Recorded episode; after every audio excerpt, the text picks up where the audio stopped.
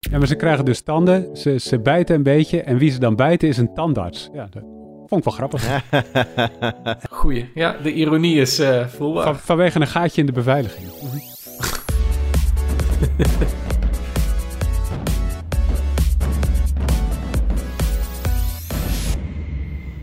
Hoi, welkom bij de allerlaatste Tweakers podcast van dit jaar. Ik denk, laat er even een pauze vallen. Even een beetje suspense. Spannend. Uh, mijn naam is Wout en ik zit uh, in deze afsluitende 2021 podcast met Thijs Hofmans. Hoi. Met Arnaud Wokken. Hi. En met Jurian Ubachs. Goedemorgen. Zie je wel, Jur. Ik doe jij niet altijd als eerst. Ha. nee, de highlights. Ik krijg altijd de highlights als eerst van jou. Oké, okay, dan gaan we dat ook niet doen. Vorige week niet, uh, hoor, ja. we hebben jullie een, een, aantal weken teruggevraagd uh, om wat vragen in te sturen. Uh, we nemen deze podcast ook wat eerder op dan normaal. Dat wij tussen kerst en oud lekker met, met andere dingen bezig kunnen. Dus het leek ons altijd nou, het leek ons leuk, dat hebben we eerder gedaan, om dan een Q&A-episode van te maken. En dat hebben jullie ook gedaan. Dus we gaan er zo meteen gaan we daar lekker op in. Maar eerst hebben we dan, ja, wat we maar even noemen, de highlights van het jaar. Wat is ons nou over zo'n heel jaar bijgebleven? Uh, en jij dus niet, Jur. Want anders dan verval ik in patronen. Mag ik nooit dus, eens een keer als uh, eerste? Arnoud, als jij terugkijkt op dit jaar, zonder ja. het al te groot en zwaar en uh, dramatisch te maken, mm -hmm. wat blijft bij jou dan hangen? Wat bij mij blijft hangen, en natuurlijk gaat het over telefoontjes, dat had je wel kunnen raden, um, is dat ik het idee heb, en dit kan ik niet staven met cijfers, maar dat er meer aandacht is gekomen voor duurzaamheid en repareerbaarheid van telefoons. We hadden in februari, als ik me goed kan herinneren, de Franse repareerbaarheidslabels. Uh, we hadden in het najaar natuurlijk de Europese regels die eraan zitten te komen op ditzelfde gebied. Repareerbaarheid, duurzaamheid, uh, reserveonderdelen die op voorraad moeten liggen en die je moet kunnen vervangen. Zoals schermen en accu's. Um, dus dat soort dingen, dat, uh, dat, doet mij wel denken dat er meer aandacht is gekomen dit jaar. Ik heb ook gezien dat de Fairphone 4, toch de meest duurzame telefoon op de markt, uh, buitengewoon veel aandacht heeft gekregen dit jaar. Dat is een Nederlands initiatief natuurlijk, komt uit Amsterdam. Maar, uh, ik heb het idee qua marketing dat ze met de 4 ook echt internationaal veel meer ja. voor elkaar hebben gekregen. Ja, ik zag het voorbij komen op, op Amerikaanse YouTube-kanalen als die van MKBHD en Linus Tech Tips. Um, dus ja, ik heb het idee dat het ietsjes meer is gaan leven. Ik hoop dat het enorm doorzet. En ik neem aan dat je dit inbrengt als highlight, want jij vindt het een goede zaak. Ik vind het zeker een goede zaak. Dit is iets wat jarenlang is blijven liggen. Uh, we hebben juist telefoons minder repareerbaar zien worden natuurlijk afgelopen jaren. De iPhone voorop, die uh, als eerste de, de accu inbouwde en niet verwisselbaar maakte. Uh, sindsdien zijn alle telefoons vastgelijmd en, en voorzien van accu's die matig of slecht uh, verwijderbaar zijn, om maar zo dingen te noemen. Uh, dat wordt nu weer iets beter. Oh, en ik vergeet nog een element trouwens, behalve de drie die ik al noemde. We hebben natuurlijk ook Apple's zelfreparatieprogramma aangekondigd zien worden dit jaar. Dus het zijn allemaal elementen bij elkaar. Uh, ja, en dat, dat bevalt me wel. Ik hoop dat deze trend doorzet en dat we dit in de hele markt veel meer gaan zien. En maar dat wa over waarom jaar dit jaar? Ik denk gewoon dat het een soort van... Um, uh, uh, soort van stormpje is geworden van regelgeving die eraan komt. Dat, dat zit natuurlijk al jarenlang in de pijpleiding. Dat, dat duurt langer. Ik bedoel, het is niet ineens dat ze, dat ze in januari dachten in Frankrijk, nu maken we repareerbaarheidslabels en hoppa, ze waren er. Dat duurt natuurlijk ook langer. In Europa duurt alles over het algemeen een paar jaar. En deze plannen lagen er sinds 2019 in een soort van vage, niet concrete vorm. Um, dus dat, dat duurt sowieso wat langer. Maar het kwam wel samen dit jaar al dat dit, dat dit aangekondigd werd, dat, dit, dat hier uh, concrete uitwerking over kwam. Um, en ja, de Fairphone, die, die heeft gewoon af en toe een nieuwe telefoon. Dat Apple doet had te maken met een activistische aandeelhouder die, uh, die druk zette. En ik denk over het algemeen dat, dat, dat duurzaamheid natuurlijk heel hoog op de agenda is komen te staan bij heel veel mensen. Uh, uh, dit jaar om allerlei redenen, maar niet in de minste plaats omdat we de gevolgen ervan afgelopen zomer natuurlijk volop hebben gezien. Met de overstromingen, waarbij we een soort previewtje hebben gekregen van wat er gebeurt als we klimaatverandering niet aanpakken. Dus ja, ik denk dat het allemaal wel samenkomt en dat het uh, voor meer bewustzijn zorgt. Ja, ik zie het ook trouwens veel vaker bij ons op het forum in de comments terugkomen. Ja. Ook trouwens, misschien wel goed om te zeggen, ook vaak genoeg vragen aan ons daarover. Van hè, wat, wat kunnen jullie daar redactioneel mee doen? Nou, dat is iets waar we denk ik waar iedereen positief tegenover staat, maar wat in de praktijk gewoon uh, heel lastig blijkt. Um, om, om daar echt concreet en structureel iets mee te doen. Uh, dat is natuurlijk niet een reden, dus dan doen we het maar niet. Dus we zijn achter de schermen wel bezig met te kijken, wat kunnen wij dan wel? Wij kunnen niet een hele supply chain uitpluizen. Wij kunnen niet zeggen dit product is eerlijker dan dit product. Dat is geen doen, maar er zijn wel wat dingen die wel kunnen. Dus ik weet dat uh, collega Erik is daar ook mee bezig om, nou, om een soort van stramien te ontwerpen van wat zijn dingen die we bij recensies in ieder geval standaard kunnen meenemen. Moet je ook gewoon denken aan hele simpele dingen als verpakking. Hè, is de verpakking recyclebaar? Wordt heel veel plastic gebruikt? Uh, en we zitten te kijken naar dingen als, als vragen stellen aan fabrikanten om te kijken of ze ook gewoon informatie willen overdragen op bepaalde standaardvragen of hoe ze met dingen omgaan. Dus um, nou, ik merk ook wel dat, dat de, discussie was eerder dan dit jaar ook een keer aangezwengeld, maar we liepen er ook vaak een beetje stuk op. Um, en ik merkte wel dat de, nou, de omslag daarin was dat we wel de, dit jaar dachten van ja, oké, okay, ja, het is lastig, maar we moeten iets. Ja. Um, en we zitten nu in de uitwerking van dat iets. En hoe dat iets er over een paar jaar uitziet, uh, I don't know. Maar ik vind het altijd wel lastig um, op persoonlijk vlak. Aan de ene kant draait Tweakers toch ook echt wel om nieuwe spullen. Ik bedoel, mensen vinden technologie interessant. Mensen kopen ook graag nieuwe onderdelen voor een computer. Of ze kopen nieuwe consoles die uitkomt. Of, of telefoons of dat soort dingen. Um, dus ergens is het een soort nou, het, het, zijn eigenlijk twee, twee, kanten van, van één verhaal, zeg maar. Aan de ene kant vinden mensen denk ik ook wel fijn om te consumeren. Aan de andere kant willen we dat wel weer op een manier doen die um, nou, zo verantwoord mogelijk is. Want ik denk dat als je tegen mensen zegt, ja, ga alleen nog maar tweedehands spullen kopen en koop nooit wat nieuws. En er zijn ook genoeg mensen die dan denken, oeh ja, dat zou ik ook wel weer, weer lastig vinden om het zo ver door te voeren. Um, dus dan is het denk ik wel goed als jouw nieuwe ding in ieder geval dat je wel die accu kan vervangen of dat je wel meer inzicht hebt in uh, hoe dat product in elkaar is gezet en dat er meer druk op bedrijven zit om het wat eerlijker te doen allemaal. Uh, want ik denk, nou ja, het, het, misschien is dat mijn, mijn blik erop, maar ik, ik zie niet zo snel onszelf als samenleving um, het consumeren heel snel naar beneden draaien. Um, ik weet niet hoe jij dat ziet, Arnaud.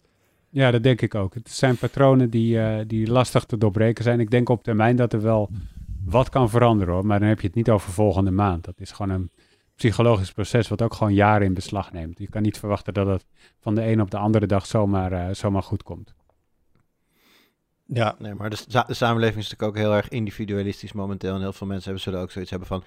ik koop wel gewoon het beste voor het minste geld. En dan is er vast iemand anders die al die verantwoordelijke producten koopt. En zo lossen we dan de klimaat... Uh, hè, dan freewheel ik, uh, freewheel ik wel even mee op de goodwill van al die andere mensen die wel die verantwoorde producten gaan kopen. En dan kies ik gewoon voor mijn eigen portemonnee. Dit, uh, deze denkwijze kun je ook op een andere discussie loslaten. Gaan we niet doen. Maar... Laten we dat inderdaad niet doen. Maar ik heb inderdaad weinig vertrouwen dat het heel snel aanslaat. of mensen die denken, weet je wat, de overheid moet allemaal regelen. Dus ik betaal prima wat meer belasting per jaar. Dus hier heb je wat extra geld. Gaat regelen. En hoef ik mijn eigen patronen of mijn eigen niet aan te passen. Dat is ook een hele... Oh, nee, ik, ik zag het eigenlijk in, in, meer aan de andere kant. Ik denk, het zou goed zijn als de overheid het stimuleert. Als zeg maar niet die uh, Fairphone zoveel duurder was, maar dat er daadwerkelijk een, een, hele dikke 200 euro bonus, weet ik veel wat, waardoor die op het prijsniveau komt van zeg maar nou low, lower range telefoons, maar dan wel met betere specs, die ook nog eens verantwoord zijn. Ja, dat, maar ja, goed, dat zal de overheid nooit doen, want ja, dus als je, hè, dan, dan, dan krijg je straks een, een, een steekspel om de om de giften van de overheid. En dan gaat Apple ook zeggen, ja, maar wij hebben ook dit en zus en zo. En wij hebben dus ook recht op die 200 euro uh, korting. En ik denk dat je daar als overheid misschien nee, dat is, je handen niet aan moet branden, maar dat zou wel helpen. Dat is heel lastig. Het ging mij om een puntje, zeg maar, die persoonlijke verantwoordelijkheid. Is dat, het is natuurlijk makkelijker om, als je het hebt, om gewoon te zeggen... Uh, ik pas mijn gedrag niet aan, maar ik betaal wel wat meer geld... en dan kan iemand anders met dat geld het probleem oplossen. Ik ja. bedoel, het, het, het standaard... Um, Hè, uh, ik blijf heel veel vliegen, maar ik, ik offset mijn CO2. Ik weet, ja, dat voelt toch altijd een beetje van misschien op papier is dat een ding. Maar, dat is... maar uiteindelijk kan ook gewoon minder vliegen. En dat doet... Maar dat gaat niet genoeg werken, want dan, dan heb je het nog steeds. Dat gaat nog steeds uit van het feit dat je, de, dat je verwacht dat mensen wel die verantwoording, zeg maar, soort van willen afkopen. Maar het gaat pas echt goed werken als het beter voor je portemonnee is. Pas dan wordt het e- echt interessant ja. voor een hele grote ja. groep mensen. Want ook, je, je kan inderdaad CO2 afkopen als je vliegt, maar zat mensen doen dat niet. Omdat als jij in je eentje een vliegticket boekt, is er niemand, zit er niemand naast je mee te kijken van, oh, doet, doet diegene het wel of doet diegene het niet. Pas als jij gewoon voor jezelf ziet, hé, hey, wacht eens even, dit is goedkoper. En als dat nou de fair optie is, die daadwerkelijk goedkoper is, dan ga je stappen zetten. Ja, ja, inderdaad. Um, maar ik, ik, ik, eens Arnaud, ik, ik, ik zie hem ook dit jaar en ik voel hem ook heel erg. En ik denk dat een, uh, nou, dat, dat volgend jaar zou je misschien, als je moet gaan kiezen voor je jaar highlight, zou die misschien ook alweer hoog, uh, hoog eindigen. misschien als wel, de, ja. de, de trend zo doorgaat, uh, in ieder geval. Um, Thijs. Ja, Ja, voor mij- de 20, ik heb in, ehm, in eh, mei, was het, heb ik een artikel geschreven over AVG-boetes in Nederland.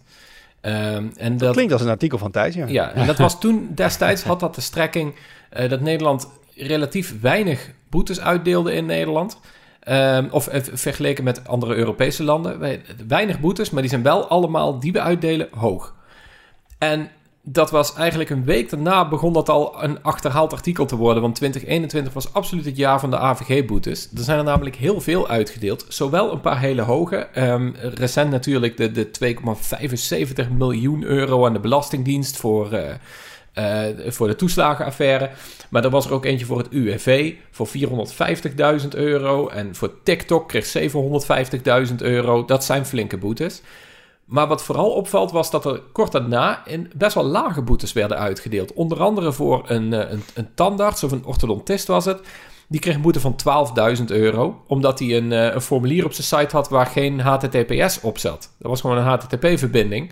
Bam, 12.000 euro boete. Dat is, ja... Dat, dat, Vind ik wel zijn- interessant in het kader van de discussie die we in de podcast van vorige week hadden over... Hè, heeft eh, heeft de AP genoeg geld? Kunnen ze dingen wel eh handhaven, beleid en zo? Dus ergens tussendoor kunnen ze wel een tandarts-website case Ja. behandelen, zeg maar, tussen al die andere dingen door. Hoe gaat dat in zijn werktijd? Krijgt zo'n tandarts wel eerst gewoon een waarschuwing? Of is het gewoon meteen van, ja, sorry, dit had al een jaar op orde moeten zijn, hier heb je boete? Opvallend is dat, dat, ehm, dat ze altijd zeggen van... eh, eh, ze zeggen altijd van, eh, we geven je vaak eerst een waarschuwing, dan kun je het fixen. Maar heel vaak, als er dan zo'n boete komt, dan is dat toch niet het geval geweest. En in dit geval zei die toezichthouder, of die, zei die orthodontist, die zei ook van... ja, ik heb die site gewoon laten maken door een of ander bedrijf. Die hebben mij nooit gezegd dat dat moest. En, ha- en, en ze zelf certificaat erop zetten.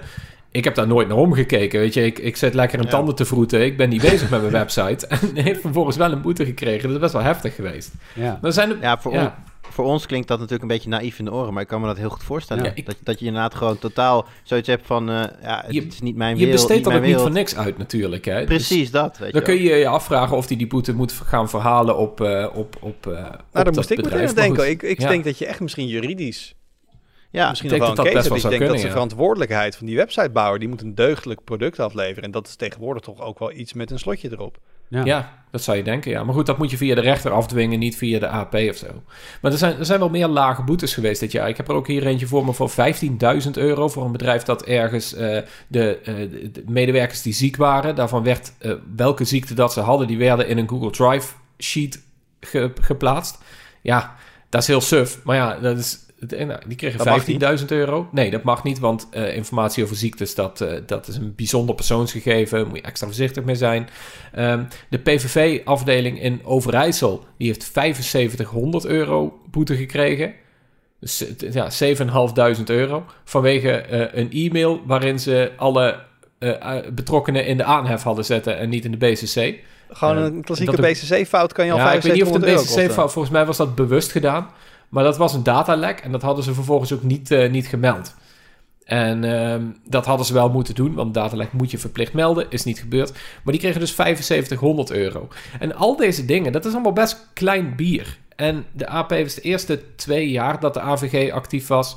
zijn ze vooral bezig geweest met die, met die hele grote zaken met, met TikTok en, ze en, en weet ik veel wat. En, en Booking.com kreeg die boetes. En, eh, dat, dat zijn allemaal best wel grote boetes geweest. En, en grote zaken die heel exemplarisch waren voor wat de AP zei dat dat echt belangrijke privacy schendingen waren. Mede omdat ze inderdaad te weinig mankracht hebben om, om te zeggen van we gaan achter alles aan. Dus dan kiezen ze een paar van die zaken uit. Maar het, als 2021 iets heeft laten zien, is dat dat inderdaad. Dat Niemand dit jaar is die- veilig. Eh, Ja, dat niet, ja precies. Ja. Dat, eh, dat, ja, ze beginnen een beetje tanden te krijgen. Dus ehm, En dan ondanks krijgen ze ook nog de komende paar jaar, elk jaar wat extra centjes erbij. Ja, niet heel veel inderdaad. Want dat hebben we vorige week al besproken. Dus lees, luister die vooral terug als je dat, eh, Ja, als je dat eventjes wil weten. Maar goed, ze, ze beginnen iets meer te, te bijten. En ook iets op... eh, ja, nou, nou ja, de, lang Ja. werd er gezegd van het is een waakhond zonder tanden. En dat leek eh, de eerste, het eerste jaar ook absoluut zo te zijn. Maar inmiddels begint dat toch wel meer te komen. En ook, ook bij dus kleine, kleine cases en dingen die niet zo heel groot en abstract zijn, maar echt heel concreet van je hebt geen SSL op je website. eh, doe dat, leer daarvan, anders krijg je ja, best wel een flinke boete. Ja, maar ze krijgen dus Ja. tanden, ze, ze bijten een beetje en wie ze dan bijten is een tandarts. Ja, dat vond ik wel grappig. Goeie. Ja, de ironie is eh voelbaar. Van, vanwege een gaatje in de beveiliging. Mhm.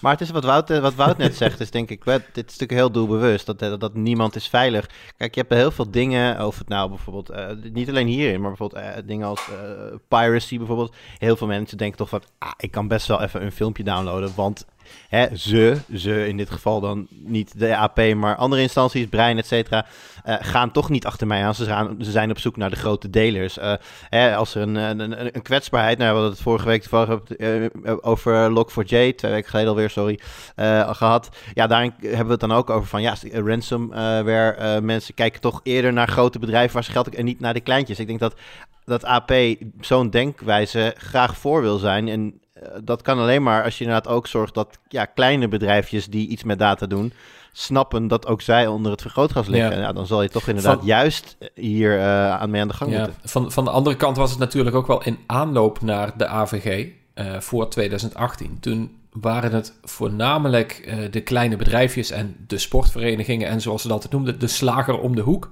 die het bangst waren voor die privacywet. Want die zeiden, ja, ik heb een klantenbestand, ik weet niet wat ik daarmee moet, ik, ik, ik ben een slager, ik snij vlees.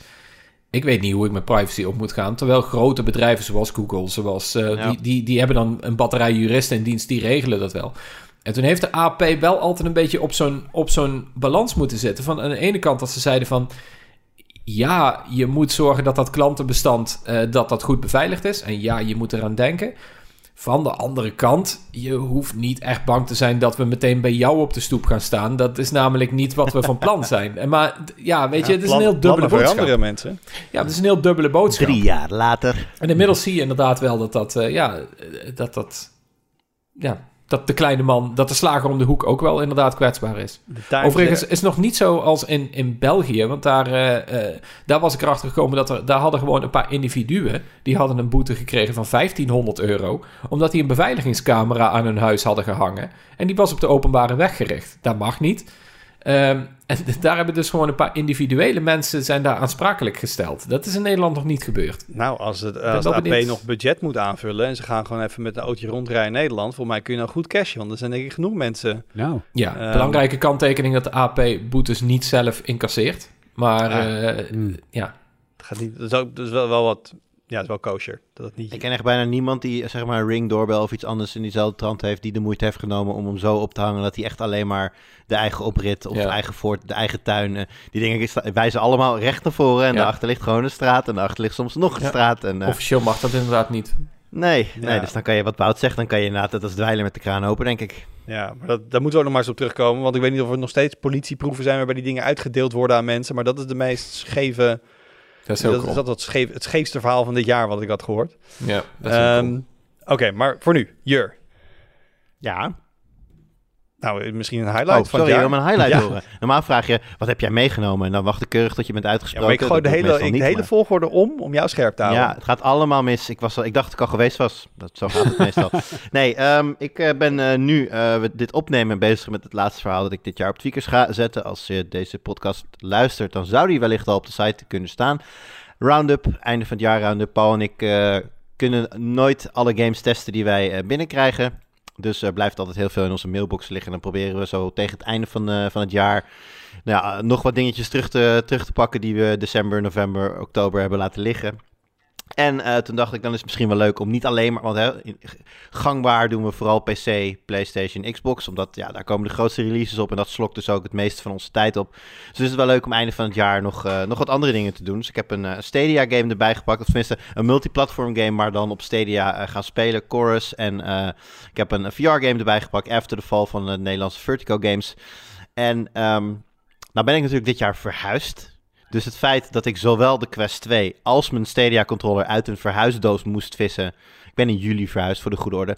Ehm, eh, dat is niet per se heel erg, maar toen ging ik terugkijken van ja, wat is nou de laatste keer dat ik deze dingen heb gebruikt? En nou, we hebben op een gegeven moment een verhaal over Stadia gemaakt. Ik denk serieus dat dat de laatste keer is dat ik een controller heb gebruikt. En, eh, en eh, dat was denk ik begin dit jaar ergens. En ehm, ja, mijn quest. Ik eh, kan me herinneren dat mijn vriendin een van de puzzelspelletje aan het doen was. Iets met mummies en een Egyptische setting of zo.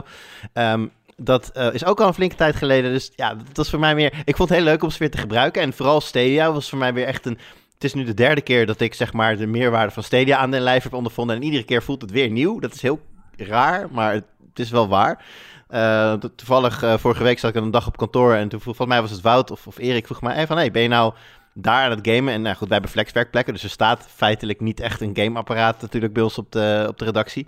Maar ja, dan gewoon via je laptop en een beeldscherm gewoon meteen, uh, meteen beginnen met gamen. Overal waar je maar een kwartiertje hebt, meteen gamen, is natuurlijk, het blijft heel leuk. Het is de, denk ik de, de, de zesde keer dat ik dit in de podcast vertel over Stadia, maar het, het, het is nog steeds een meerwaarde. Het blijft je wel verrassen inderdaad. Ja, en het stomme daarvan is van, hoe lang moet Stadia mij en andere mensen blijven verrassen voordat het doorbreekt? Of, ik, ja, ik zit er niet diep genoeg in, maar mijn idee bij Stadia was het laatste jaar van, nou, het zou wel eens kunnen dat Stadia uh, op de lijst terecht gaat komen van uh, things that Google killed. Weet je wel, dat... Uh, dat dus, maar jij bent, ja, natuurlijk, ik, jij bent natuurlijk in die zin niet de doelgroep, want jij hebt beschikking tot een sterke game PC, een PS5, een Xbox Series X. Ik bedoel, jij hebt alles qua consoles en alles. Jij, jij hebt all the things. Um, All the things. Maar ik lees nog wel geregeld ook bij ons in de, in, in de comments ook, als het over games gaat. Mensen ja, ik speel hem op Stadia. Dus ik bedoel, het is ook wel een, een keuze die je op een gegeven moment maakt. Van oké, ik ga geen consoles naar huis halen. Ik ga geen uh, geld in games stoppen. Ik ben een Stadia gamer. En ik denk dat die groep inderdaad nou ja, ik ken, ik ken er wel een paar, maar die paar die ken ik al heel lang. En ik heb niet het idee dat die groep heel snel nog aan het groeien is of zo. Dat, dat je, er is absoluut een, hè, want we hebben natuurlijk ook op, eh, op ons eigen forum is een hele actieve Stadia community. Ik heb daar ook uh, nog om input gevraagd voor uh, ja, welke games zij dan graag nog besproken zouden zien op Tweakers. Ik heb helaas niet tijd gehad voor meer dan Chorus, dat is jammer. Maar dat geeft wel, er, ging daar, er wordt daar dagelijks gewoon wordt er een, een minimale pagina bij geschreven in dat forum. Gewoon mensen die ervaringen uitwisselen, ook tips over hè, hoe je je Stadia performance kan verbeteren. Dus het is echt wel een actieve community. Maar ja, ik heb niet het idee dat die actiever was dan vorig jaar. En nou, met VR heb ik eigenlijk hetzelfde. Het is er al best wel lang. En uh, nou goed, thuisgebruik is zeker door de standalone headsets, denk ik, heeft best wel een boost gehad. Uh, Sony natuurlijk onlangs zijn, uh, zijn nieuwe PlayStation VR aangekondigd. Dus die zit eraan te komen. Dus er gebeurt wel wat. Maar in allebei de vlakken, zowel streamend gamen als VR, ik van ja, wanneer komt het boven het niveau uit waar het nu is? Of blijft het hier tot het dood gaat? Dat is een beetje, het voelt een beetje alsof het in limbo zit. En ik weet nog niet of het in de plus of de min gaat uitkomen. Nee, ik, ik zit in hetzelfde schuitje hoor. Want ik heb ook thuis een Quest. Ik heb dan een Quest 1. En ik heb ook een Stadia controller. Um, en ik weet waar ze liggen, dat wel. Maar inderdaad, daar moet, daar moet ook eerst uh, de Swiffer overheen om uh, al het stof er, uh, die ligt, te Die ligt bij de, in dat laadje met al die VGA-kabels erin, die je ooit nog eens een keer nodig gaat hebben. Ja. Ja, goed, voor jou geldt ook hetzelfde, Woutje, voor, zeker wat Stadia betreft. Kijk, jij hebt, jij hebt toch zo'n Nvidia stream setupje thuis, ja. dat je gewoon vanaf je... Ja, kijk, als je, alles, als je alle high-end dingen, of tenminste, hoeft niet eens high-end te zijn om, om het Stadia-niveau te evenaren. Uh, ja, als je dat allemaal gewoon thuis al lokaal kan streamen, dan heb je Stadia natuurlijk niet per se nodig. Nee, dus ik denk echt dat het iets is waar je voor moet kiezen ten opzichte van iets anders. En voor, voor ons mensen die het ook erbij hebben liggen, zal het denk ik nooit iets zijn wat je, nou, waar je ja. super veel tijd in gaat stoppen. Maar, uh... Ja, en VR dus ook. Dat is, dat is ook weet je, dan zit ik het te spelen en dan loop je zo met je rond. Ik heb nu dus ook wat grotere kamers, grotere woonkamers. Ik kan nu ook daadwerkelijk een beetje rondlopen. En dat is dan super vet. Maar ja, dan heb je op een gegeven moment al je meubels dan weer gewoon weer op hun normale plek gezet. En dan denk je van, ja, ja oké. Okay. En dan wil je eigenlijk nog een keer wil je even verder. denk je, nou, ik ga nu wel gewoon voor de seated mode. Want dat heb je ook in heel veel games. En dan kan je gewoon met, met thumbsticks rondlopen. Hoef je niet per se. Maar ja, dan ben je het eigenlijk aan het terugschalen naar een normale gameervaring. En op een gegeven moment denk je dan ook van, ja... Uh, wat, wat is dan nog, waar, waarom doe ik het dan? Maar je, ja, ik ben... je hebt een Quest 2, dus jij bent gewoon helemaal klaar voor de metaverse. Dus je moet nog even wachten. Yes, baby. De metaverse. Precies. Gooi het Jij op moet me. nog even wachten. maar ik, ik had laatst met Erik erover. Wij gaan binnenkort gewoon eens even, een, als we een keer elkaar normaal zouden videobellen, gaan we gewoon een keer een overlegje doen in, in de metaverse. Want uh, ik zag via Twitter was dat, was dat uh, voor mij was dat Paulus Schoutse, de, de man achter uh, Home Assistant. Die zei dat zij bij het Home Assistant project hun beetje brainstorms en meetings, dat soort dingen, dus in Horizon Spaces doen van, ja. van Meta.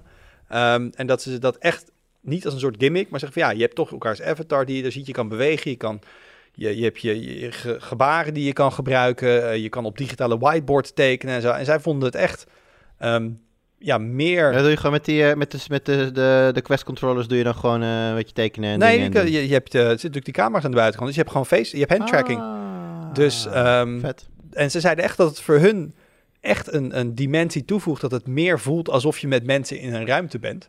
Eh, dus mijn quest ligt ook stof te happen. Maar ik ga binnenkort is, denk ik, lekker eh, in zo'n in zo'n room zitten met iemand. En eens kijken of dat maar trek je, is. dan wel een, eh, trek je dan wel even een minted jasje aan? Een minted jasje aan? Ja, tuurlijk. Ik vind niet dat je met de standaard eh, normie close eh, daar binnen kan. Je moet wel even minimaal een, en een paar goede NFT's binnentrekken voor, de, voor het apparel van je, van je Zeker weten, zeker weten. Vooral Minimaal. sneakers. Sneakers, die moeten ook... Ja. Trouwens, nog één laatste dingetje om het even weer terug te brengen naar, naar, naar VR. Of tussen, we zaten nog steeds op VR. Eh, maar in ieder geval eh, met gaming. Het voordeel van de seated mode is dat je veel makkelijker de kabel tussen je eh, PC en je headset kan houden. Want je loopt natuurlijk niet rond. En als je wel rondloopt, is een kabel irritant. Eh, eh, ja, irritant. Holy shit, wat is het verschil groot als je After the Fall speelt standalone versus After the Fall via PC VR. Dat is echt, dat, dat is een andere game. Dat is, ze hebben gewoon twee games gemaakt. Het, is, het lijkt niet eens op elkaar. Het is, het is zo verschrikkelijk veel beter en het is een mooier in, in PC VR. En het is natuurlijk volstrekt logisch, dat hoeven we niet nu uit te leggen waarom dat zo is.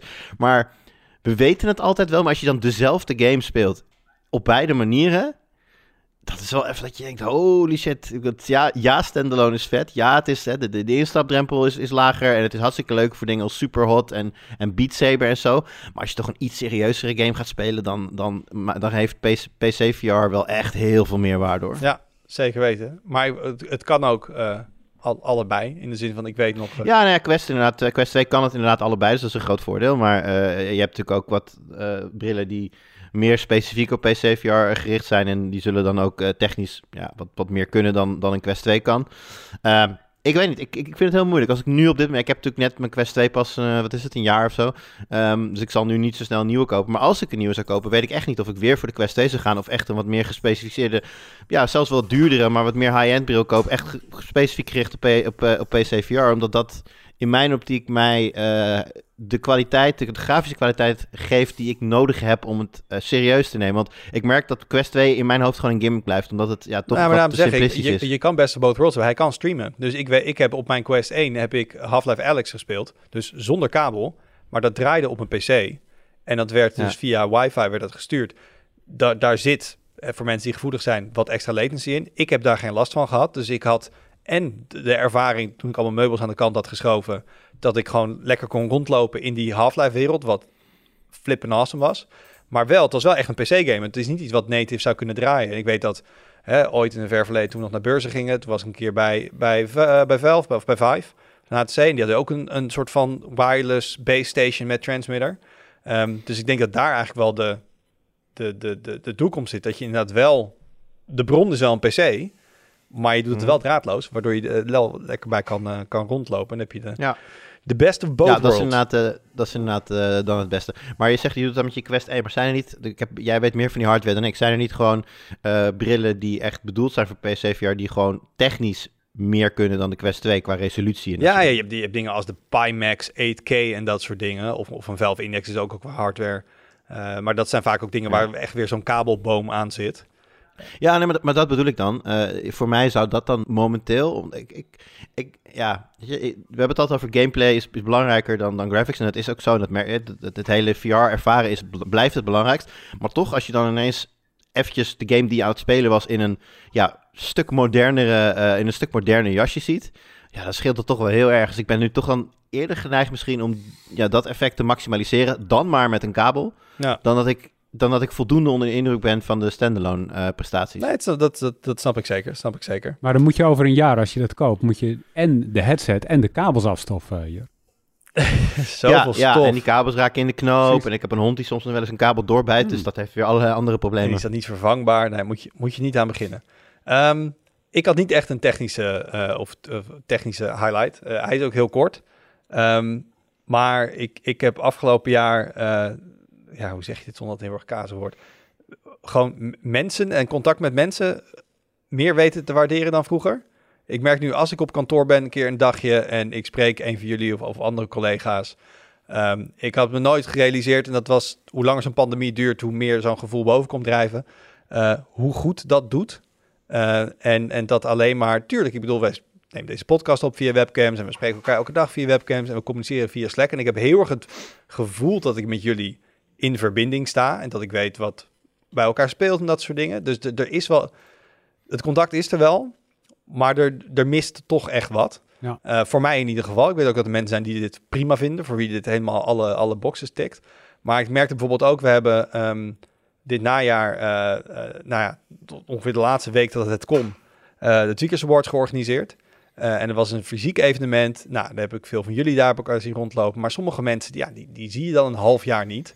En wel via Google Meet en wel via Slack en dat soort dingen. Maar als je dan mensen toch weer in het echt ziet, dan, eh, nou, dan, dan vind ik dat, dat heel waardevol. Dus ik film, ik zou mezelf voor de pandemie altijd heel erg getypeerd hebben. Nou, ik ben wel een introvert en ik kan altijd prima op mezelf zijn. En lekker een heel weekend gewoon in je pyjama zitten gamen thuis. En je eh, de, de deur uitgaan, eh, geen zin in om met mensen nu te zijn en dat soort dingen. Ben ik wel een klein beetje op teruggekomen, merk ik. Datzelfde, misschien de grootste introverte mensen, of voor sommigen ook niet hoor, maar voor mij in ieder geval denk ik, oh ja, daar, zit ook wel een grens aan bij mij. Ja. En soms... Nou, ik ben op een gegeven moment een beetje, ehm, ja, het is een beetje organisch gegaan, omdat ik ook wel dingen op kantoor moest doen. Maar op een gegeven moment kwam het erop neer dat ik zo een beetje één dag in de week eh, naar kantoor ging. En ik merkte dat ik daar echt enorm veel energie van krijg. Al had ik laatste keer pech, was ik op dinsdag op kantoor, was er letterlijk, letterlijk helemaal niemand anders van de redactie. Ja, dan is zo'n groot kantoor, eh, leeg kantoor dan weer, dat werkt dan ineens weer averecht. ja, Maar meestal is, eh, nou ja, hey, Wout, jij en, en, en Erik zijn natuurlijk bovengemiddeld vaak op kantoor, omdat je natuurlijk ook de tech-hubs moeten opnemen en dat soort dingen.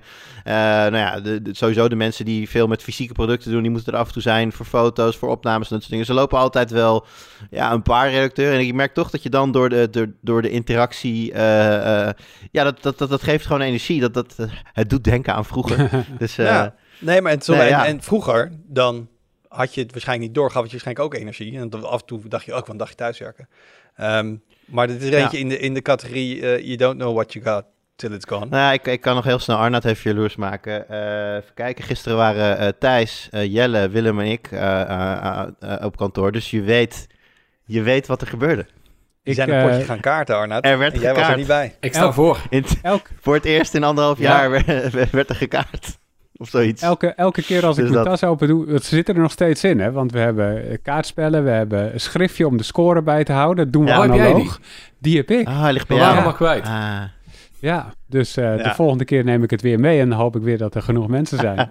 ooit, ooit komt het terug. Ja. Dus eh, ik, ik, ben- ik hoop dat we hier snel eh, volgend jaar weer, weer uitklimmen. Want eh, nou, zoals ik het eh laatst ook voor mijn terrein van jullie zei, ik, ik, ik mis jullie af en toe. Ook al spreken we elkaar. Ja. En, en het, een van de leukste dingen van Betweakers werken zijn de mensen. Ehm, en ook de mensen eh, in het echt zien. Ehm, nou ja, dat eh, blijft mij bij van dit jaar. Maar dat is meer een soort on- ontdekking bij mezelf, om het zo maar even te noemen. Mooi. Dan vragen en antwoorden. Want wij vroegen jullie, eh, stel eens wat vragen, dan gaan we antwoorden. Dus we hebben het een beetje eh, op, op thema gedaan. Eh Thijs is ook aangeschoven, waar mensen met privacy en security vragen. En Thijs vindt het altijd gezellig om aan te schuiven, dus dat, dat vonden we een goed idee. Dus ik ga een beetje tussen de thema's ehm, eh, wisselen, dat we ook wat verschillende de mensen horen. Dus eh, ik begin bij telefoons, dus dat is hier natuurlijk. Nee, Ja, nee, logisch. eh, Het gaat ook over de verfoon. nee, maar we kunnen ook natuurlijk wel, wel eh, natuurlijk bij elkaar Zeker. aanhaken. Maar eh Arnoud, eh, Mhm. ik begin even met een vraag van, van Erwin. Oftewel, Erwin 581885157. Mhm. Dat is zeker een unieke nickname. Die gaat bijna tien. Als je hem registreert, zal die denk ik al eh, ge- ge- ingepikt zijn. Die we weten zijn eigenlijk nou die Flip 3 en die Fold 3. Eh, derde generatie eh flippables. Ehm, is dat nou een beetje al een serieuze keuze als je gewoon een telefoon wil voor elke dag? Of, nou ja, is het nog gewoon een beetje een gimmick? Ik denk wel zeker dat het serieuze keuzes aan het worden zijn. Of, je, of het echt voor jou een goede keuze is, dat kan ik natuurlijk niet zien. Want ze zijn nog steeds duurder dan vergelijkbare hardware in een heel gewoon rechthoekig doosje. On- ondanks dat de prijs wel iets naar beneden komt, is het nog altijd aan de dure kant. En er zijn nog altijd eh, compromissen die je sluit. De camera is gewoon niet even goed als dat je in die prijsklasse was, mag verwachten. Bij zo'n flip zit er gewoon een ontzettend kleine accu in relatief. Ontzettend klein. Ja, wel een stuk kleiner. Dus je kan er gewoon verwachten dat, dat die minder lang meegaat. Ehm, dus ja, het kan een keuze zijn. Zeker als je heel veel meerwaarde ziet in de manier waarop hij vouwt. Dus als je een kleinere telefoon nodig hebt in het geval van een klaptelefoon. Of je wilt juist een groter scherm waardoor zo'n zo'n zo'n eh, zo'n boektelefoon, als ik het maar even noem, eh, eh, jou goed uitkomt. Ik vind dat ook zelf heerlijk. Maar ja, ik heb hem nog niet, want ik vind het nog niet goed genoeg als, als, als telefoon voor de lange termijn. Ik wil toch jaren mee kunnen doen en ik weet niet of ze dat volhouden. Is ook nog niet echt bekend natuurlijk. Dus ja, dat. Het zijn wel keuzes, maar ik wacht er nog uh, één of twee generaties af zelf. Voor de, toch nog ook een beetje voor de, voor de early adopter. Mhm. Ehm, Ik, eh, ik zag hem laatst wel in het wild, dus ik weet niet welke ik zag. Maar ik zag een, een, iemand met een hele grote, mooie schermpje. Die klapte hem zo dicht en deed hem daarna in zijn in zijn zak. Het was, was de eerste, in het terrein was de eerste keer dat ik hem, eh, denk dat ik hem in het wild zag. Nice. Dus er zijn al mensen die hem gewoon als, eh, als, de, als gewoon de alledaagse telefoon gebruiken, volgens mij. nou, dat valt zeker nu nog wel op. Eh, laten ze gewoon lekker kort houden antwoorden. Dan kunnen we ook lekker veel vragen beantwoorden. Ehm, Jur, voor jou. Ja. Eh, Jelle Sonneveld, eh, die wil weten. Hij zegt, ik ben benieuwd naar het werk van een game-redacteur. Zoals jullie dat doet. Want ja, als je er misschien niks van weet, de- het lijkt een soort droom aan. Je mag een game spelen, mag je erover schrijven, dan mag je er een video voor opnemen en weer een game spelen. Komt er nog meer bij kijken? Ben je nou echt de meeste deel van je tijd aan het gamen? Hoe, geef ons eens een inkijkje in het leven van een game-redacteur. Nou, jij begon net over de hele dag je pyjama aanhouden en een weekend niet buiten komen. En eh, dat vind ik een goed startpunt voor, eh, voor hoe mijn werk eruit ziet. Nee. Ehm, even kijken, om met je laatste vraag te beginnen. Ben je de meeste tijd aan het gamen? Ja. Eh, daar zit uiteindelijk het meeste tijd in. Ik bedoel, ehm, als je een wat grotere game pakt, dan kan daar zomaar... neem bijvoorbeeld Halo. Weet je, dan ben je een aantal dagen bezig met de campagne. Je moet de multiplayer nog goed spelen. Dus bij een grote game, zeg maar, een... een bijna een hele week eh, reserveren voor het spelen is geen uitzondering. Alleen je zit natuurlijk niet van, van s ochtends vroeg tot s avonds laat alleen maar te spelen. Hè, eh, alle redacteuren hebben eh, andere verplichtingen, zoals daar zijn vergaderingen met andere redactieleden. Eh, deze podcast bijvoorbeeld. Ehm, eh, maar goed, alles wat daar omheen komt, de hele productie, hè, dat begint al met contact met makers van games. Die, ja, er moet op een gegeven moment, die game moet naar mij toe. Dus ik vraag zeker bij grote games meestal vrij ver van tevoren al van, joh, wat is hier, wat is de planning? Want ehm, de ene game krijgen wij vrij ruim van tevoren voor release. Dan kan het wel eens gebeuren dat ik een maand voor release al een speelbare versie heb. Soms krijgen we pas op release. Ja, dat, dat, dat verandert natuurlijk de planning, dat verandert de mogelijkheden. Eh, kunnen we bij grote games die eh, op PC interessant zijn, vraag ik ook vaak om meerdere eh, versies, zodat de jongens van ons, van ons testlab aan de slag kunnen met technische dingetjes, benchmarks, dat soort dingen. Ehm, ja, dat moet ook allemaal gecoördineerd worden natuurlijk. Eh, dus daar ben je ook wel mee bezig. Het is, het is niet simpelweg van ik ga een game spelen en als ik, als ik de credits rol, dan ga ik me eens afvragen of ik het wel of geen leuke game vond. Ehm, ik, nou, ik, het is niet zo dat ik altijd met een kladblok naast me zit. Ik weet dat andere mensen, bijvoorbeeld Paul, die doet dat volgens mij wel. Als hij bezig is met een review, dan heeft hij altijd een kladblok liggen om dingen op te schrijven die, eh, ja, die hem opvallen. Ik doe dat wel eens op mijn laptop, omdat ik denk van ja, anders eh, dan tik ik heel snel iets in op mijn laptop. Dat ik anders, het is te belangrijk om te vergeten. Ehm, maar meestal eh, doe ik dat niet per se. Ehm, ben ik nog dingen vergeten, Wouter, in, in de, die in de vraag zitten? Eh, eens even te kijken. Ja, dus vooral eh, hoe, hoe deel je tijd in? Maar het is toch het grootste deel wat je zegt. eh gamen. Je vraagt ook, doe je het ook voor een deel in je eigen tijd? Ja, zeker. Al, absoluut. Nee, ik, weet je, ehm, je begint dit ooit te doen omdat je nou ja, een affiniteit hebt met schrijven. Dat, daar begint het wel mee. Ik denk als je dat niet hebt, dan moet je dit echt niet willen doen. Eh, maar natuurlijk ook gewoon dat je een gamer bent. En uiteindelijk is, eh, eh, ja, toen ik een jaar of veertien was, toen zo heb ik ooit tegen een schoolgenootje van mij gezegd, ik wil later bij de Power Limited werken. Nou, dat is niet helemaal gelukt. maar second best dan maar. Nee. Nee, maar, nee, maar precies wel, wel uiteindelijk de, de, de functie die ik wilde hebben gekregen. En ja, dat is wel, dus in die zin, droombaan is redelijk on the money voor mij. Ehm, maar eh, het, is, het is heel wisselend. Want het is, wat ik zeg, wat ik net beschreef is een week, ja, als ik dus een review heb liggen. Maar dat is niet elke week aan de hand. Hè, soms ben je ook gewoon met, met, met heel andere dingen bezig. Eh, ja, in normale jaren eh, gaat er ook redelijk veel van tijd eh, zitten in het voorbereiden van trips, van beurzen. Ik ben meestal in januari fulltime een, week, week kwijt met het, met het helemaal plannen van de E3-reis. De reis, het verblijf, dat soort dingen allemaal. En dan later in het jaar komen daar natuurlijk nog al- allerlei afspraken bij kijken. Dus dan ben je vooral heel veel aan de telefoon en aan het mailen. Nou, dat is natuurlijk nu wat minder. Eh, op het moment dat er geen heel veel reviews zijn, eh, probeer ik eh, de jongens, dan met name Joris en Julian van het nieuwsteam, eh, een beetje te kijken of, we, of ik hen nog kan helpen met achtergrondverhalen of met ideeën voor achtergrondverhalen. Want ja, daar kom ik meestal zelf niet helemaal aan toe. Ligt ook previews. Er zijn nu al eh, preview sessies gepland in, eh, in januari voor games die eh, veel later komend jaar gaan, eh, gaan uit, eh, uitkomen. Waar we dan presentaties of hands-ons voor hebben in, eh, in januari. Die staan al gepland. Dus dat, mijn planning loopt inmiddels al tot, tot ergens in februari door. Dus eh, ja, nee, dat komt er ook allemaal bij kijken. Het is ook een hele hoop geregel en, eh, en, en, en nou, ik wil het niet gedoe noemen, maar buiten het, eh, buiten het alleen maar game om. Maar het gebeurt zeker dat er dagen zijn dat ik om, eh, om een uur of, nou ja, wat is het, half negen bakje koffie pak, dan even douchen, uurtje of negen console aan. Nou, ja, tegen de tijd dat ik naar bed ga, gaat hij weer uit. Dus eh, Klinkt Ja, als als een gewoon- droombaan, toch? Wat zei je, Thijs? Nou, als jij, als jij gamet, hè, want je hoort heel vaak van bijvoorbeeld eh, dat eh, game, games testen, dat sommigen dat ook als droombaan zien, totdat je de realiteit ontdekt, Ja. dat dat echt Nee. verschrikkelijk is. Hoe, hoe is dat als jij een game reviewt versus wanneer je het zelf speelt? Ehm vooropgesteld dat ik eigenlijk bijna geen tijd heb om dingen echt helemaal zelf te spelen. Maar ehm, mijn negatieve punten bij het gamen zijn vele malen kleiner dan die van Q&A. Q&A-tests is, ik zal niet zeggen verschrikkelijk, het is, een heel, het is heel belangrijk. Lord Hmm. knows hoeveel, hoe, hoeveel games komen er nog uit waar geen bugs in zitten. Nul om precies te zijn. Dus eh, laten we zien hoe belangrijk Q&A-testing is. Uh, maar Q&A-testing, die mensen moeten bijvoorbeeld heel vaak één segment van één bepaald level krijg je dan bijvoorbeeld toegewezen. En daar moet je letterlijk alles doen wat je maar zou kunnen verzinnen. Elke route nemen, elk, op, elke plek springen, et cetera. Dat is, dat is testing. Dat is saai. Dat wil, je- dat wil je helemaal niet. Eh, ik in ieder geval niet. Kijk, mijn, mijn grootste nadeel is dat ik soms games moet rushen. Als het, als het verhaal belangrijk is, dan wil ik graag het verhaal uitspelen. Maar ja, ik kan, eh, ik kan een review 1, 2, misschien drie dagen doorschuiven.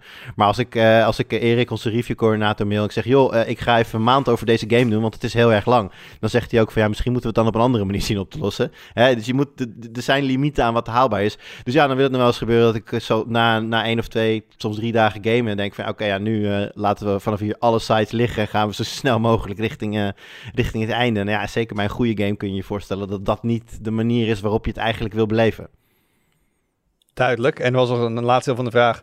ehm, hoe kom je aan alle spullen? Nou, voor mij staat er bij hier een hele mooie game per se... die die niet zelf even hoeft te aftikken. Nee, en we krijgen vaak nou, ook een- consoles te Bij leen mij is het en dat mix. soort dingen. Bij mij is, ik heb eh, een deel van mijn spullen die ik heb liggen, heb ik wel zelf gekocht. Gewoon omdat ik ook een gamer ben en omdat ik, eh, ja, kijk, alles wat in principe niet van mij is, maar van Tweakers is, kan natuurlijk op enig moment worden teruggeroepen naar kantoor als eh, iemand in het testlab eh, iets nodig heeft bij een, bij een test. Ja, dan kan het zomaar zijn dat ik de console even moet terugbrengen en dan dus zonder console zit een tijdje. Dus ik heb bijvoorbeeld mijn PlayStation 5 heb ik wel zelf gekocht. Dat was niet zo heel makkelijk, maar het lukte uiteindelijk wel. En ja, sommige mensen winnen dan een prijsvraag. Ik, ik helaas niet. Dus, dus jij hebt eigenlijk beschikking bij elkaar opgeteld over meerdere PS5's. Om mensen nog maar Eh, even ja, alleen staat te steken. Ja. Nou, Paul is de echte masselaar, want omdat ik dus geen de PlayStation 5 van, van kantoor nooit nodig heb, eh, staat die dus nu standaard bij Paul.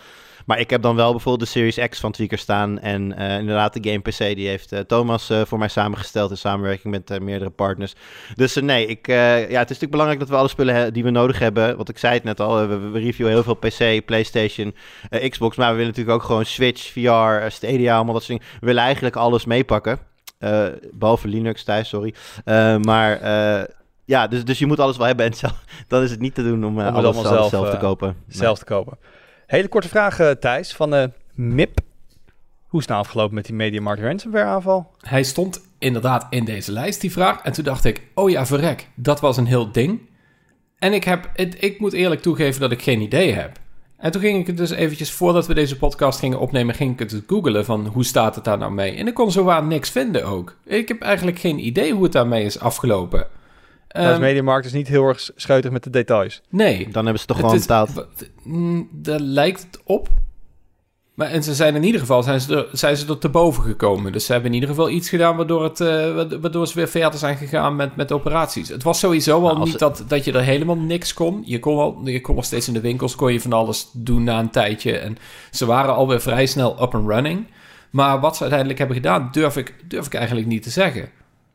Dat is wel interessant. Nou ja, dat, dat, dat is dan het antwoord op de vraag. Van mij moet je het ook niet langer Ja. maken dan het is. nee, ik denk het inderdaad wel. Ik ga ze eens even ik ga ze eens bellen van de week. Kijken hoe dat Kijk, zit. nou, Maar ik heb altijd zoiets, als, als, als je er trots op bent, dan stuur je een persbericht uit van wat voor fantastisch je hebt verzonnen Ja. tegen deze ransomware attack.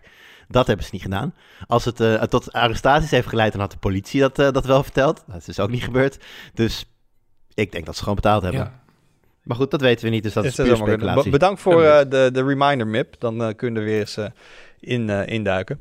Hey, onder het kopje ehm, Meta, of Meta, maar dus niet ehm, Facebook, maar tweakers pratend over tweakers, vraagt eh Engessa...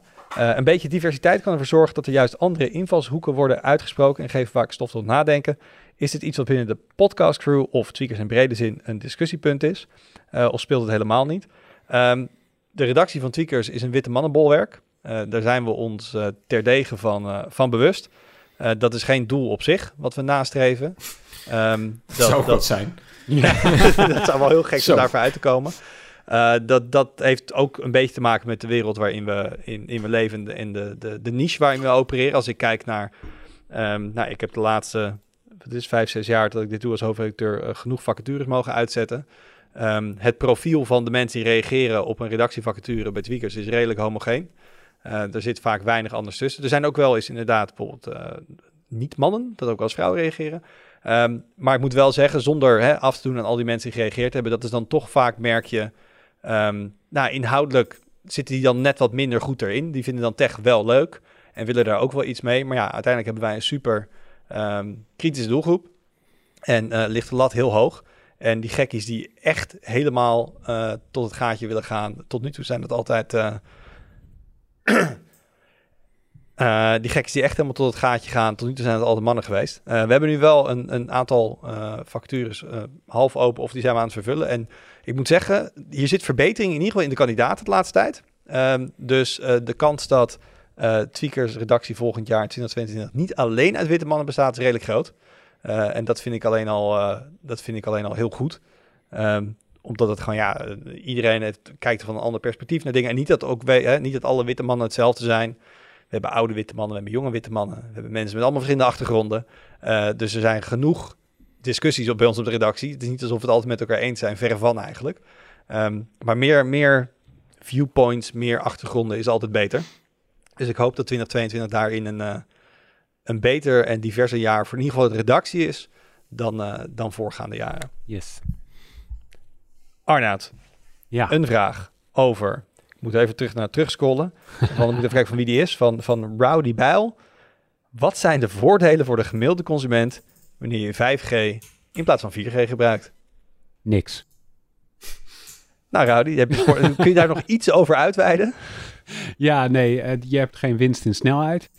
Uh, je hebt vooralsnog ook geen winst of nauwelijks winst in, in latency. Dus als je aan het gamen bent, merk je denk ik ook echt helemaal niks van. Misschien 1 milliseconde winst her en der. Nou ja, daar word je ook niet echt warm van. Ook in de upload uh, heb ik over het algemeen weinig verschillen gezien. Accuduur is op 5G, heb ik van de, dit jaar getest, is niet beter dan op 4G. Ik vind um, hem zelfs merkbaar slechter ja. mij.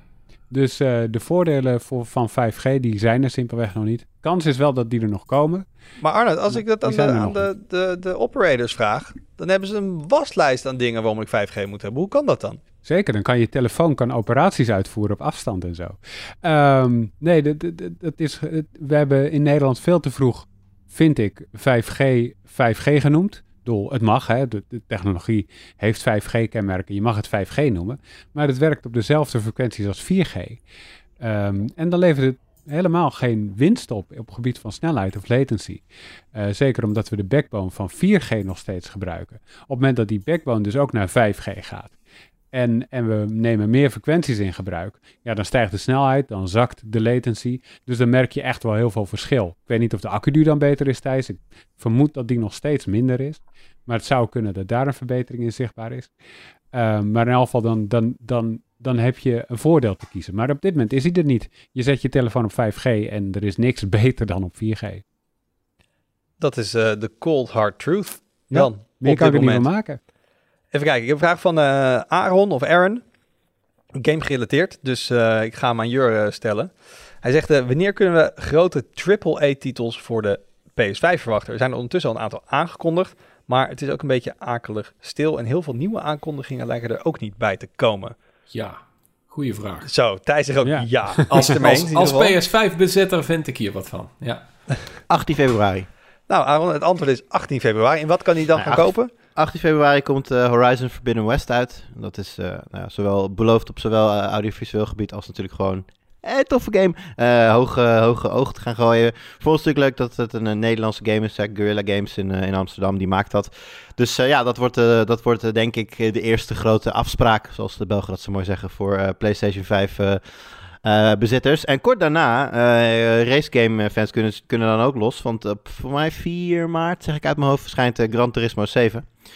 Dus dat zijn de eerste twee grote exclusives voor PlayStation 5. Daarnaast staat God of War Ragnarok ook op de agenda voor 2022. Maar die heeft nog geen, nog geen meer specifieke datum dan dat. Dus nou ja, dat, dat ik, waarschijnlijk verschijnt hij wel daadwerkelijk dit jaar. Maar dat, ja, dat weten we dus nog niet zeker. En eh, ja, er komt ook nog een, eh, een soort van bundle versie waar dan volgens mij alle Uncharted's in zitten. De, ehm, Met een beetje remaster eroverheen. Legacy of Thieves collection, eh, collection heet dat. En volgens mij is dat dan de, de remaster van de eerste drie. Met dan ook deel 4. En dat dan allemaal in één PlayStation 5 game. Dus uh, die uh, zit er ook nog aan te komen. Ja, dat vind ik dan net... Uh, ja, dat is natuurlijk recycled. Voor, dat is gewoon recycled materiaal. Dus dat ben ik dan wat minder van onder indruk. Maar Horizon, Gran Turismo en God of War Ragnarok zouden sowieso moeten komen. En trouwens, dat is dan niet per se voor de PlayStation 5 gamers, maar voor de PC gamers. begin dit jaar, of begin komend jaar, 14 januari, uit mijn hoofd staat God of War voor de PC gepland. Dus dat is ook nog wel een... Sinds, sinds, een aantal jaar brengt de PlayStation zijn, zijn exclusive ook naar PC. Paul, ja. Wout weet er alles van. Dus uh, ja, de 14 januari, dus de, de PC-versie van God of War. Ja, het zal nog wel even duren voordat jullie dan ook Ragnarok kunnen spelen. Dat gaat vast wel weer een tijdje overheen.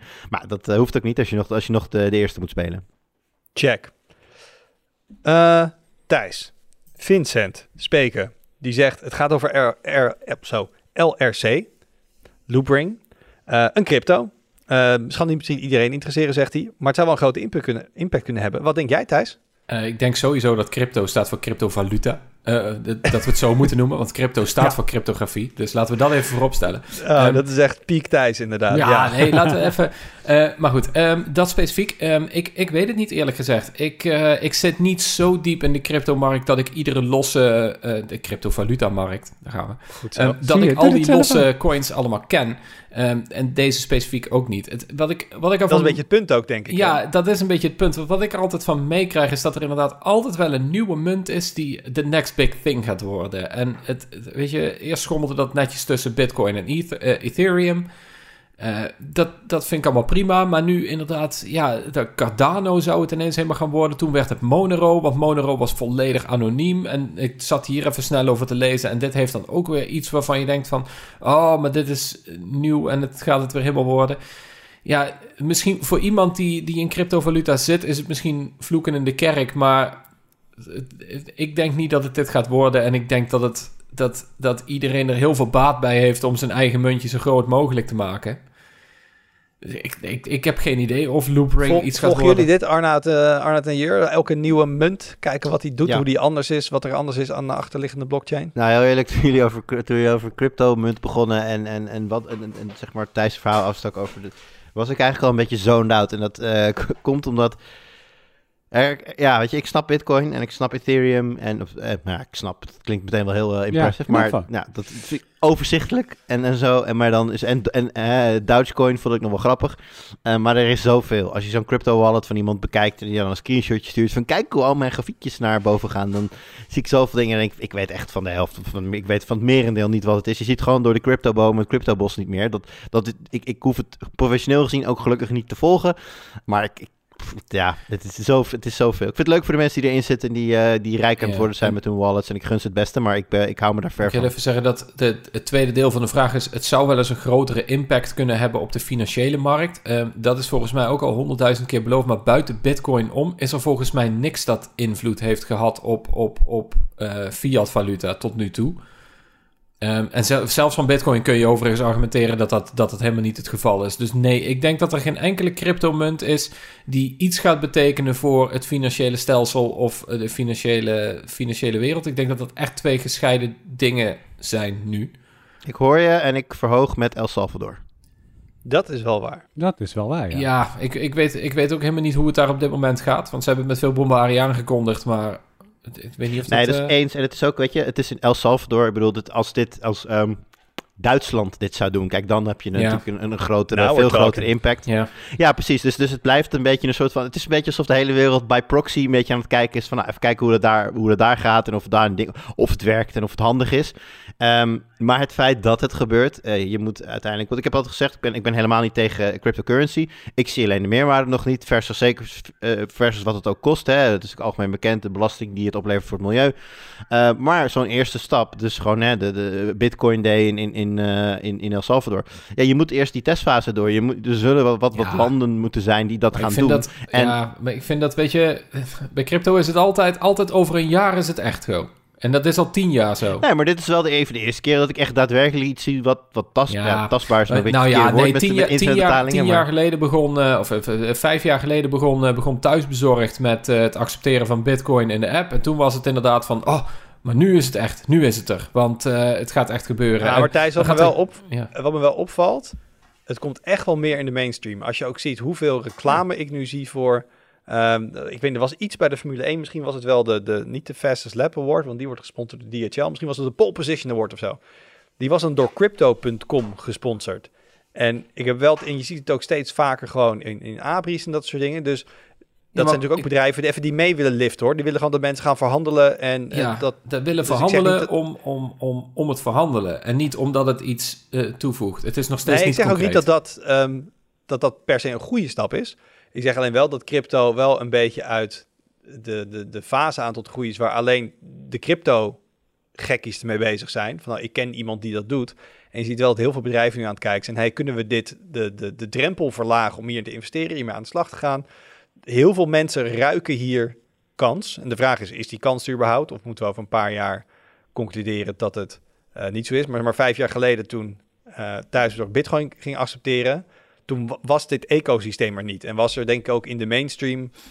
waren die diensten nog niet, waren die exchanges minder gebruikersvriendelijk. Dus ik zie daar wel echt een soort momentum.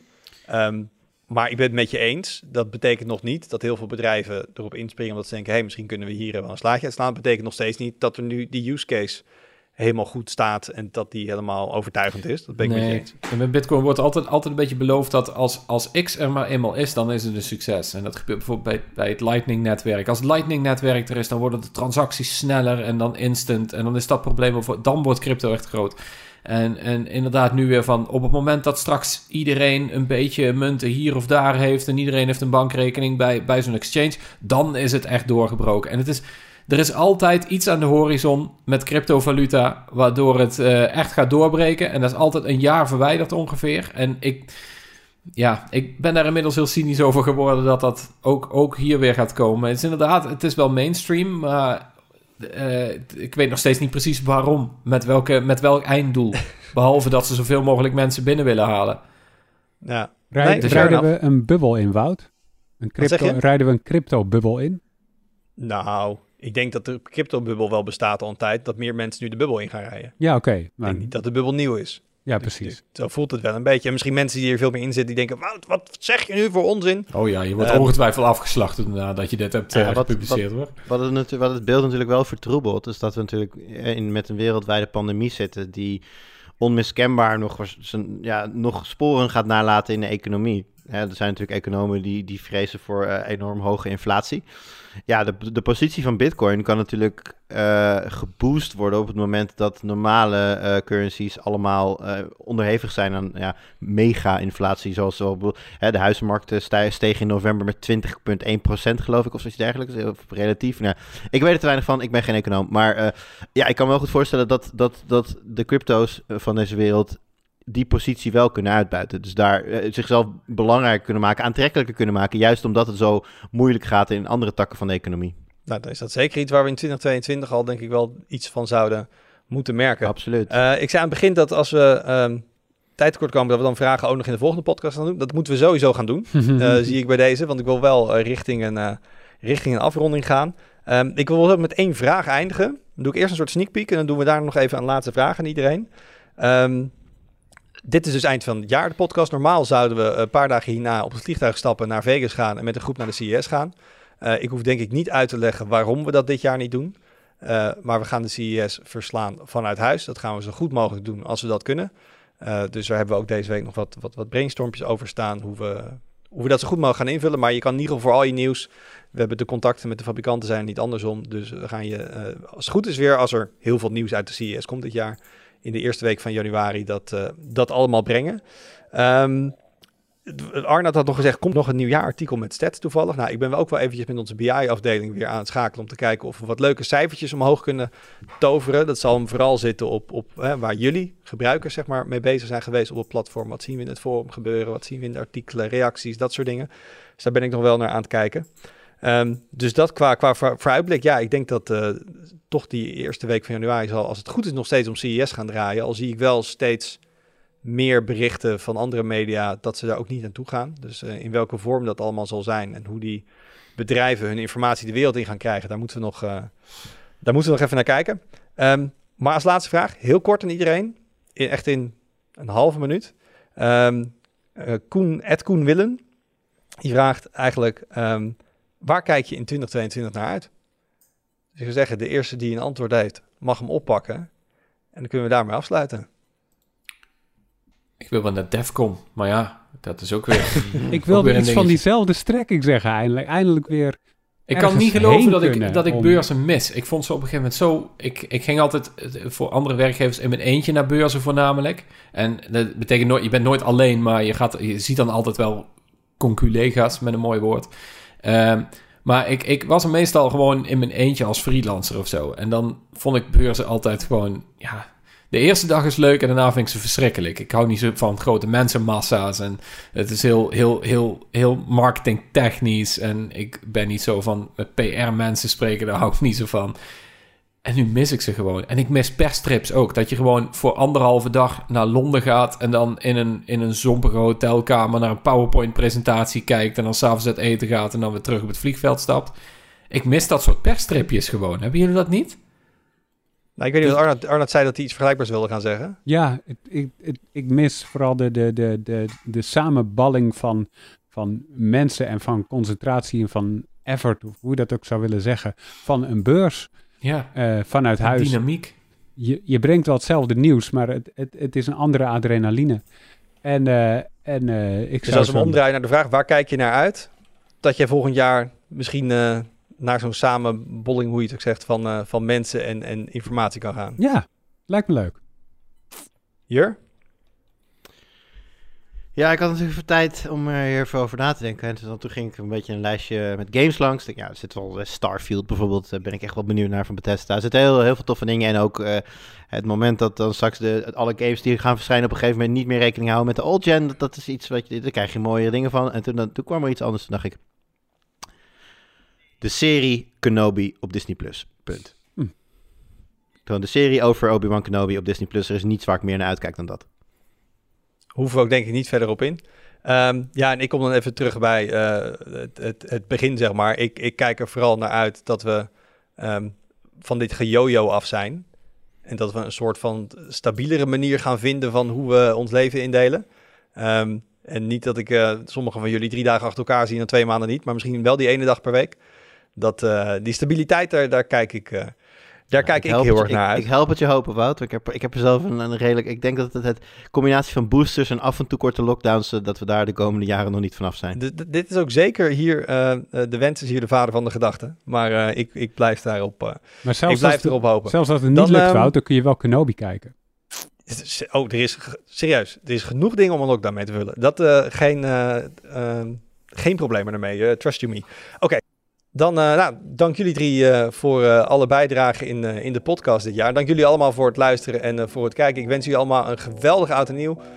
Geniet van de oliebollen en de bubbels. En dan spreken wij elkaar allemaal volgend jaar weer. Doei!